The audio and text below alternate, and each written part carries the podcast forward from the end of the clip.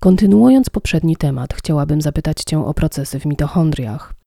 Jakie aspekty biochemiczne w tych organellach funkcjonują nieprawidłowo u osób z CFS? Dobrze. Powiedzmy, że mitochondria to silniki naszego samochodu, które do prawidłowego działania muszą mieć odpowiednie paliwo. Mitochondria działają najlepiej na ketonach. Mogą działać również na węglowodanach, jednak w wyniku spalania cukrów w mitochondriach powstają duże ilości wolnych rodników, reaktywnych form tlenu, które są dla nich bardzo szkodliwe. Kiedy zasilamy mitochondria ketonami, wytwarzane są bardzo małe ilości reaktywnych form tlenu, co jest dla nich o wiele bezpieczniejsze. Co więcej, mitochondria działają wydajniej na ciałach ketonowych niż na cukrze. Cukier w krótkim czasie może dać nam szybki zastrzyk energii, nazywam to paliwem rakietowym. Ale jeśli cały czas zasilamy organizm węglowodanami, uszkadzamy mitochondria i przyspieszamy proces starzenia. Dlatego w przypadkach zmęczenia, CFS czy ME zawsze warto zacząć od diety ketogenicznej. Tendencja do jedzenia dużych ilości węglowodanów to częsty problem w zachodnich modelach żywienia, ponieważ cukry działają uzależniająco. Wracając do mitochondriów, pierwszą rzeczą jest dostarczenie im właściwego paliwa. To zadanie spełnia dieta paleoketogeniczna. Chcemy, aby mitochondria działały na najlepszym paliwie, czyli na ketonach. Po drugie, mitochondria potrzebują konkretnych surowców do funkcjonowania.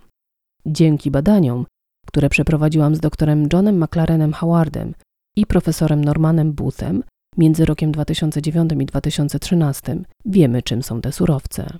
W tamtych latach dr John McLaren Howard opracował test funkcji mitochondriów, aby sprawdzić, dlaczego mitochondria zaczynają pracować wolniej. Z otrzymanych wyników wyodrębniliśmy konkretne mikroskładniki, dzięki którym mitochondria lepiej funkcjonowały. Do najważniejszych mikroskładników wpływających na tempo pracy mitochondriów należały magnez, koenzym Q10, acetylo-L-karnityna i witamina B3. Magnez działa jak świeca zapłonowa silnika i sprawia, że paliwo rozpoznaje iskrę i zaczyna się palić. Koenzym Q10 jest najważniejszym donorem i akceptorem elektronów w mitochondriach. Jest jak olej w naszym silniku, pozwala mitochondriom działać bardzo płynnie. Następnie acetylo-L-karnityna. Można ją porównać do węża, którym tankujemy nasz samochód, albo do dyszy, która wchodzi do silnika, aby napełnić go paliwem. Bez karnityny nie możemy dostarczyć paliwa do naszych mitochondriów. Określa się to wahadłem lub przenośnikiem karnitynowym, a jej głównym źródłem jest oczywiście mięso. Następnie mitochondria potrzebują witaminy B3, niacynamidu, która podobnie jak koenzym Q10 jest bardzo ważnym donorem i akceptorem elektronów. Są to cztery najważniejsze składniki dla mitochondriów. Kiedy przesadzamy z aktywnością, generujemy energię nieco inną drogą z udziałem cyklazy adenylanowej. Jednak ważne jest, aby pamiętać, że tracimy cząsteczki ATP i ADP, które są cząsteczkami energii wytwarzanymi przez mitochondria. Te cząsteczki są przenoszone z mitochondriów do komórki i z powrotem. Kiedy nadmiernie zużywamy nasze zasoby energii, tracimy ATP i ADP, które w normalnych warunkach mogłyby zostać poddane recyklingowi. Surowcem do tworzenia ATP jest deryboza, cukier pięciowęglowy, z którego komórka może bardzo szybko wytwarzać zupełnie nowe ATP. Deryboza to kolejny bardzo ważny suplement. W ten sposób mamy już pięć najważniejszych suplementów niezbędnych mitochondriom do pracy. Poza tym mitochondria składają się głównie z dużych błon, w których zlokalizowane są enzymy. Podstawowym surowcem do działania tych błon są dobrej jakości tłuszcze i oleje. Dlatego wskazana jest dieta paleoketogeniczna, która obfituje w tłuszcze. Następnie musimy przyjrzeć się temu, co prawdopodobnie blokuje mitochondria. Mitochondria mogą być hamowane przez wiele czynników, Zainteresowałam się tym tematem w latach 90., kiedy zaczęłam spotykać wielu rolników, którzy używali pestycydów do zwalczania owadów na roślinach.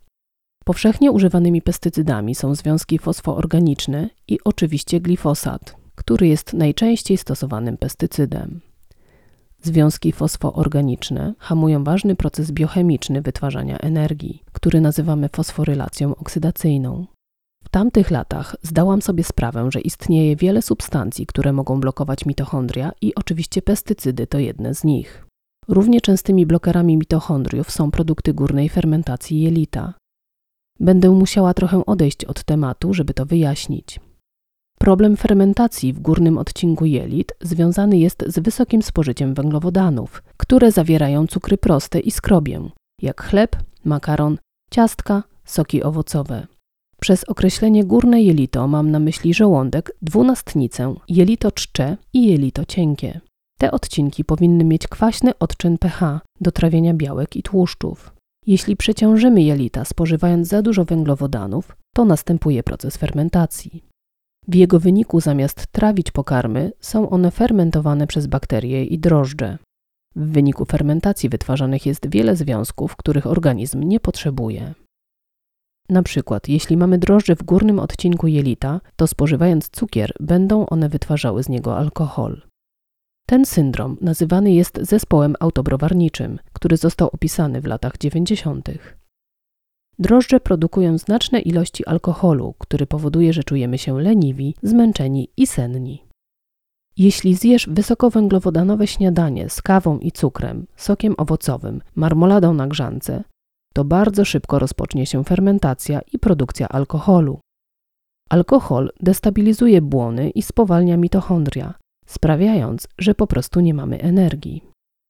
W jelitach produkowany jest nie tylko alkohol etylowy, również inne rodzaje alkoholi, np. związki amoniakalne, które same w sobie są toksyczne i blokują mitochondria.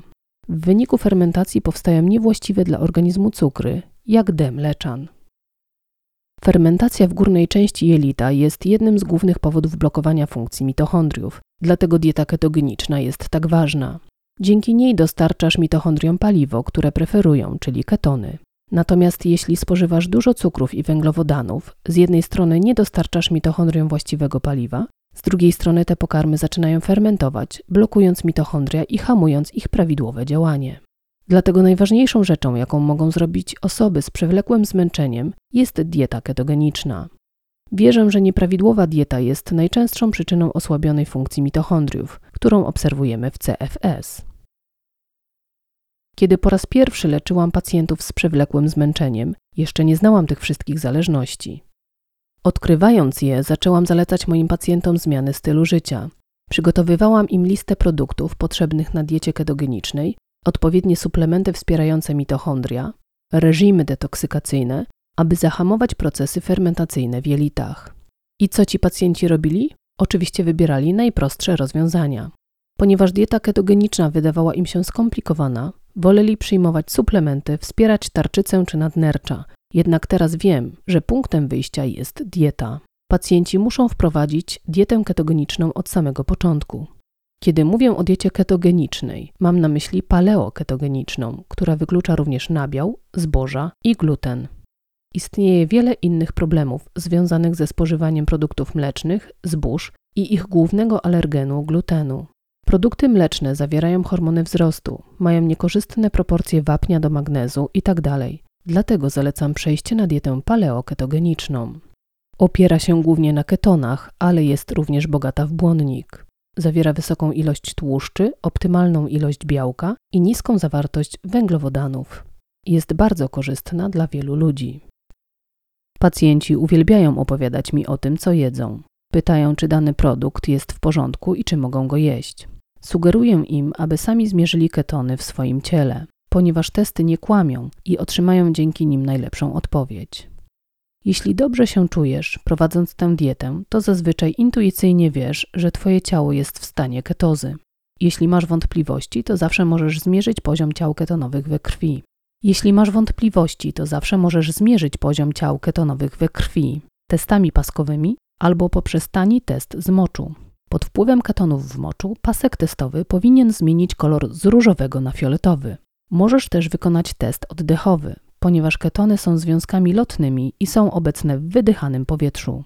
Aby wykonać ten test, wystarczy po prostu dmuchać w miernik, taki jak ten, który kosztuje około 40 funtów na Amazon. Warto mierzyć poziom ciał ketonowych.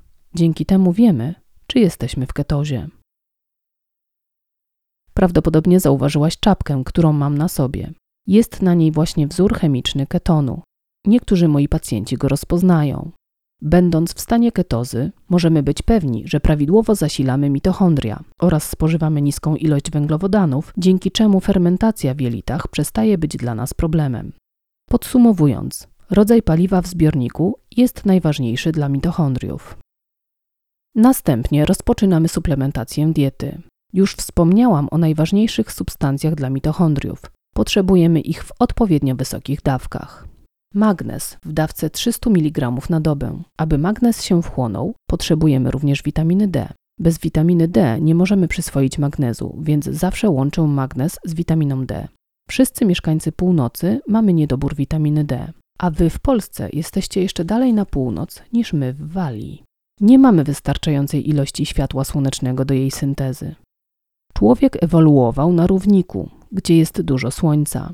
Ludzie biegali nago w afrykańskim słońcu i mieli zapewnione duże ilości witaminy D. Ale kiedy wyemigrowaliśmy na północ, oddaliliśmy się od równika. Ludzie o ciemnej karnacji nie mogli już wytwarzać witaminy D i umierali z powodu jej niedoboru. Dlatego nasza skóra stała się blada. U ludzi żyjących w basenie Morza Śródziemnego karnacja jest bardziej oliwkowa, a im dalej od równika, tym karnacja staje się jaśniejsza. Abyśmy w momencie pojawienia się słońca mogli bardzo szybko i bardzo wydajnie wytwarzać witaminę D. Ale nawet z naszą jasną skórą wciąż nie mamy wystarczającej ilości witaminy D. Przykładowo dzisiaj u nas w Walii jest zimno, trochę mglisto, nie ma za dużo słońca.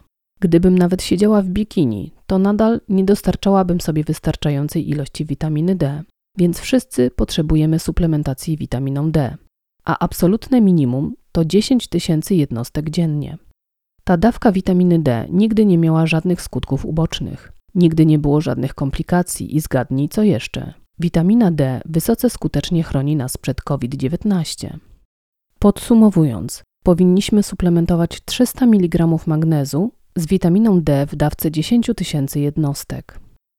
Kolejnym z najważniejszych składników jest koenzym Q10 w dawce 100 mg dziennie. Następnie witamina B3, którą lubię stosować w dawce 500 mg 3 razy dziennie w postaci niacynamidu. Przyjmowana w postaci niacyny może powodować zjawisko flash, czyli głębokie zaczerwienienie, które jest bardzo nieprzyjemne. Pod tym względem niacynamid jest bezpieczniejszy.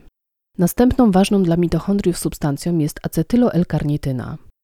Jeśli spożywasz mięso, to prawdopodobnie masz jej odpowiedni poziom, ale jeśli jesteś wegetarianinem lub weganinem, na pewno będziesz jej potrzebować. Dawka powinna wynosić około 1 grama dziennie. Zalecam również derybozę jako środek ratunkowy. Jeśli naprawdę przesadziłeś ze zużywaniem energii i wiesz, że następnego dnia poczujesz konsekwencje w postaci opóźnionego zmęczenia, weź 5, 10, być może 15 gramów derybozy.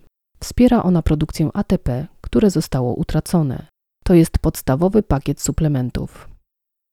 Trochę skaczę po tematach, ale podsumowując, to podejście pozwoli rozwiązać problem spowolnionej pracy mitochondriów. To skuteczne postępowanie, kiedy nasze mitochondria nie otrzymywały właściwego paliwa, mają niedobory niezbędnych składników lub są przez coś blokowane, a najczęstszą przyczyną blokowania są toksyny wytwarzane w procesie fermentacji w górnym odcinku jelit.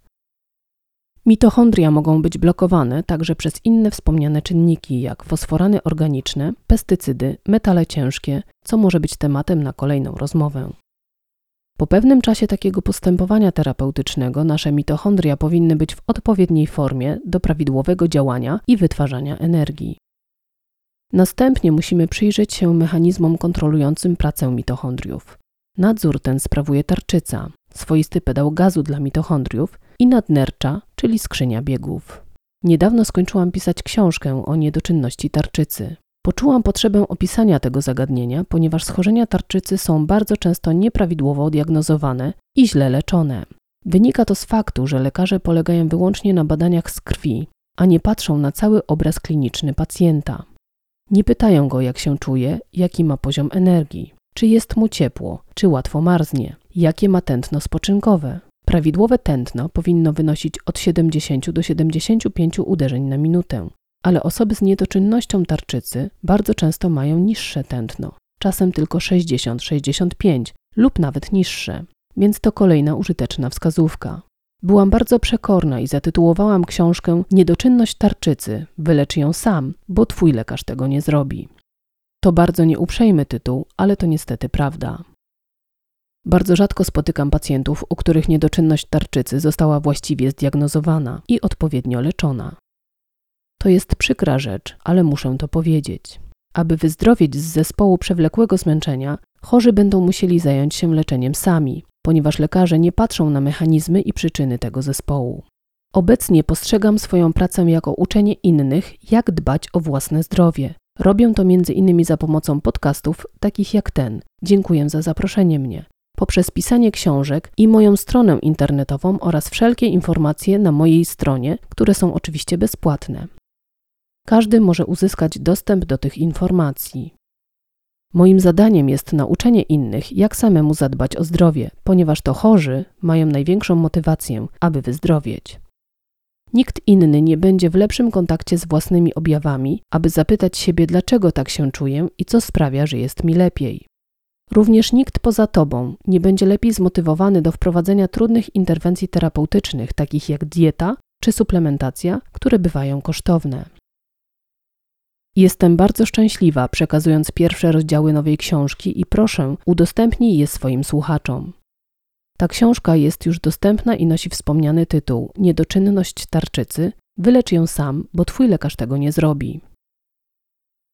Równolegle ze wsparciem tarczycy musimy spojrzeć na pracę nadnerczy określonych jako skrzyni biegów. Nadnercza przygotowują organizm i pomagają mu odpowiednio reagować na stresujące wydarzenie. Kiedy ich doświadczamy, wydziela się adrenalina dająca nam natychmiastowy zastrzyk energii. Przykładowo, jeśli byłabym prymitywną kobietą polującą w dżungli i wyskoczyłby na mnie tygrys, byłabym zmuszona biec najszybciej, jak kiedykolwiek w życiu biegłam. W przeciwnym razie stałabym się śniadaniem dla tygrysa. Ten silny przepływ energii osiągamy właśnie dzięki hormonom nadnerczy. Dlatego rekordy sportowe najczęściej padają na Igrzyskach Olimpijskich. Kiedy zawodnicy rywalizują na wydarzeniu takiej rangi, ich adrenalina osiąga najwyższy poziom. Nadnercza pracują na największych obrotach, a organizm osiąga maksymalną wydajność. Nie mamy niestety najlepszych narzędzi do leczenia zmęczenia nadnerczy, tak jak w przypadku tarczycy, ale w tym miejscu może nam pomóc fitoterapia. Są trzy popularne zioła pomocne w zmęczeniu nadnerczy: ashwagandha, żeńszeń i lekoris. Często stosuję hormony nadnerczy, a moim ulubionym jest pregnenolon. Co ciekawe, wszystkie hormony nadnerczy mają swój początek w strukturze cholesterolu, dlatego posiadanie odpowiedniego poziomu cholesterolu jest ważne. Wszyscy uwierzyliśmy w ten nonsens, że niski cholesterol jest dla nas dobry. To nie zawsze prawda. Lubię widzieć podwyższony cholesterol w wynikach, ponieważ jest on potrzebny do funkcjonowania błon, niezbędny dla mózgu, mitochondriów oraz do produkcji hormonów nadnerczy. Potrzebujemy go także, aby wytworzyć witaminę D. Cholesterol jest następnie przekształcany w nadnerczach w pregnenolon, z którego następnie wytwarzane są kortyzol, żeńskie i męskie hormony płciowe, DHEA i wszystkie inne ważne hormony, które kontrolują również mitochondria. Znów mówiłam o wiele za długo. Jestem świadoma, że odeszłam od tematu, więc wróćmy do pytań. W porządku. Dzięki tej dygresji możemy zobaczyć, jak wszystko łączy się w organizmie, a w centralnym miejscu są oczywiście mitochondria. Wróćmy jeszcze do objawów i obrazu klinicznego. Powiedziałaś o objawach ze strony serca, mózgu, tarczycy i nadnerczy. Czy możesz podać nam inne charakterystyczne symptomy, może ze strony innych narządów, mięśni czy skóry, które mogą występować w CFS? Kiedy mechanizmy dostarczania energii nie działają prawidłowo, to praca każdej pojedynczej komórki w ciele może być zaburzona. Ponieważ wszystkie komórki zaczynają wolno pracować, może dojść do niewydolności każdego narządu nadnerczy, nerek, wątroby. Jednak najbardziej oczywistym objawem jest już sam wygląd twarzy pacjenta. Twarz jest odzwierciedleniem tego, co dzieje się w umyśle. Zaopatrzenie mózgu w energię będzie wpływało na nasze samopoczucie. Przy odpowiedniej ilości energii do jego pracy, nasza twarz wygląda na szczęśliwą i zadowoloną. Osoby, u których jest problem z dostarczaniem energii, wyglądają na przygnębione i smutne. Mózg osoby z niedoborem energii daje sygnał, że nie mam zasobów na bycie towarzyskim. Nie mam energii na pracę czy siły na zabawę, więc woli zostać sam. Wystarczy spojrzeć na twarz danej osoby. Jeśli wygląda na smutną, przygnębioną, najprawdopodobniej jej mózg nie ma energii do pracy. Często zauważam to od razu, kiedy kogoś widzę. Dla kontrastu widzisz osobę, która się uśmiecha, jest żywa i wesoła, ma mnóstwo energii. U takiej osoby wszystko jest w porządku z mechanizmami dostarczania energii. Tak więc dobrym objawem jest sam wyraz twarzy i nastrój, w jakim się znajdujemy.